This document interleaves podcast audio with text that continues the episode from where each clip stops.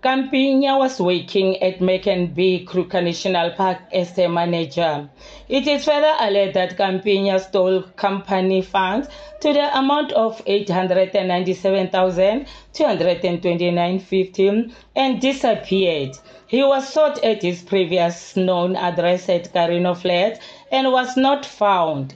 The provincial head of the Hawks, Major General Heber, is urging Kampinya to come forward and also appeals to the community to give information regarding his whereabouts.